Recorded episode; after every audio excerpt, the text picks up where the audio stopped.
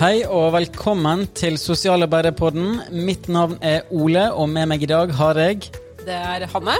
Og Og så er det Humarit. ja, dere, nå skal jo vi starte vår egen sosialarbeiderpodkast. Hanne, hvorfor gjør vi det? Det gjør vi fordi vi har så mye flinke medlemmer der ute. Altså barnevernspedagoger, sosionomer, vernepleiere og velferdsvitere som jobber i så mye spennende fagfelt som vi har lyst til å vise fram. Ja, Helt riktig. Og hva forventninger har du, Marit? Har jo en forventning om at dette blir kjempebra. Vi som både er profesjonsforbund og fagforening, vi har jo masse temaer som vi ønsker å snakke om, og som trenger å liksom bli prata om på denne podkasten.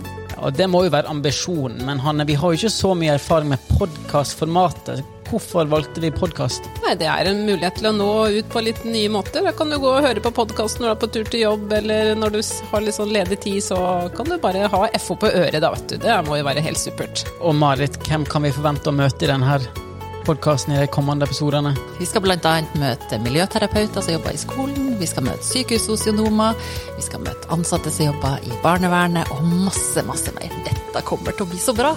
Ja, det blir kjempegøy. Dere, jeg tror vi bare setter i gang, jeg. Ja, Kan jeg få lov å starte, eller? Jeg har faktisk noen som jeg har tenkt jeg skal snakke med, som jobber i Nav.